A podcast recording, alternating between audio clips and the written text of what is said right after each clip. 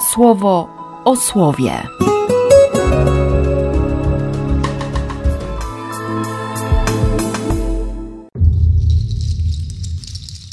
4 grudnia, sobota. Z księgi Izajasza. Dlatego lud święty będzie mieszkał na Syjonie. Jeruzalem zawołało z wielkim płaczem: Zlituj się. I on zlituje się na głos Twojego wołania. Gdy tylko usłyszał, już Cię wysłuchał. Pan da Ci chleb niedostatku i wodę w małej miarce, ale już nie zbliżą się do Ciebie ci, którzy Cię sprowadzają na manowce. Twoje oczy bowiem dostrzegą Twoich zwodzicieli, a Twoje uszy usłyszą słowa tych, którzy za Ciebie zwodzą Cię takimi słowami: Tak, to ta droga, idźmy nią. Obojętnie, czy to będzie na prawo, czy na lewo. I wtedy wyrzucisz idole posrebrzane i pozłacane, w proch je rozbijesz. Rozproszysz jak plewy, albo jak wodę po obmyciu miesiączki wylejesz, lub jak łajno usuniesz Wtedy deszcz spadnie na zasiew Twych zagonów.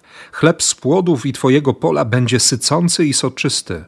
Twoje bydło będzie się pasło w owym czasie na pastwiskach żyznych i rozległych. Wasze byki i woły, które się trudzą przy uprawie waszych pól, będą jadły sieczkę z dosypką czystego ziarna jęczmienia. Owego dnia po każdej wyniosłej górze i po każdym wysoko się wznoszącym wzgórzu płynąć będą potoki. Gdy tymczasem wielu ginąć będzie – i gdy padać będą wieże strażnicze. Światło księżyca będzie jak światło słońca, a światło słońca będzie owego dnia siedemkroć jaśniejsze. I wtedy Pan uleczy złamania swego ludu. Usunie Twój ból po uderzeniach. Z Ewangelii według świętego Mateusza.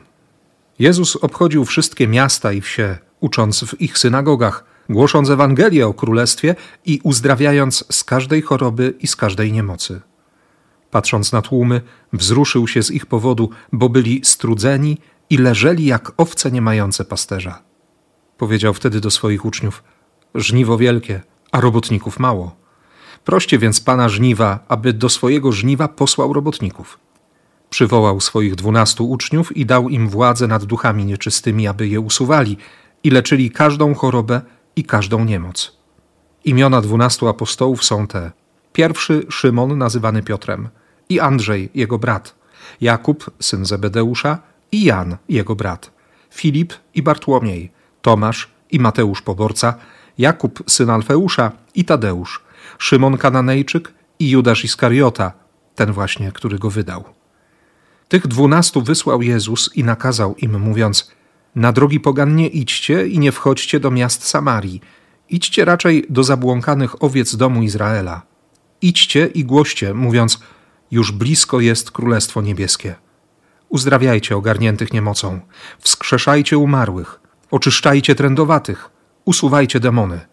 Za darmo otrzymaliście, darmo dajcie. I tłumaczenie z Septuaginty robi mi dziś dzień, jeśli chodzi o 30 rozdział Księgi Izajasza. Jeruzalem zawołało z wielkim płaczem: Zlituj się. I on zlituje się na głos Twojego wołania. Gdy tylko usłyszał, już Cię wysłuchał. Już to zrobił. Choć kolejny werset mówi: Pan da Ci chleb niedostatku i wodę w małej miarce.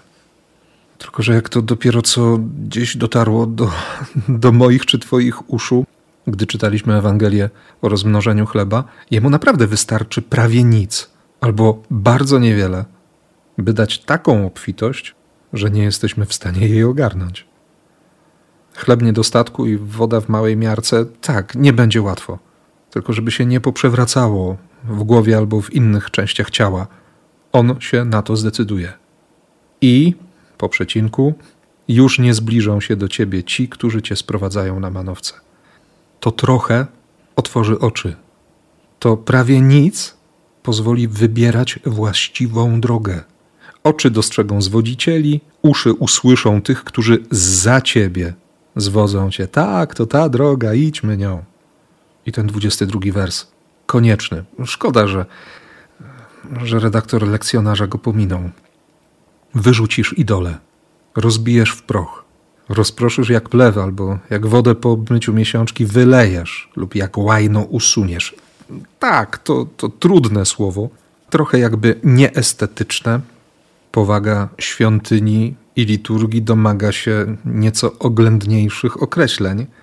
No trudno, ale, ale tu jest sens. Nie? Tu jest sens tego czytania, bo to bardzo mało w trudnych warunkach, które zaowocuje prawdą konkretną, ostrym cięciem, ostrym światłem, ostatecznie doprowadzi cię do, do wyrzucenia idoli. A jak zrezygnujesz z idolatrii, to, to błogosławieństwo. Obfitość, obfitość i jeszcze raz obfitość. I wtedy Pan uleczy złamania swego ludu. Usunie Twój ból po uderzeniach. Pewnie dla, dla Judy, dla Jerozolimy, dla Izraela to było bardzo ważne słowo. Obietnica na tamten czas, wolność, która zaczyna się dziać. Ale tak sobie teraz pomyślałem, przecież też chcemy być wolni, albo chcemy być sobą wreszcie. Jest w Bogu ta niepohamowana troska. No jesteśmy oczkiem w Jego głowie. Pokazuje to dzisiaj choćby na przełomie tego dziewiątego i dziesiątego rozdziału redakcji Mateusza. Zagląda do wszystkich miast, do wsi, uczy w synagogach, głosi Ewangelię o Królestwie i uzdrawia z każdej choroby, z każdej niemocy. I wzrusza się? Bo leżeli jak owce nie mające pasterza.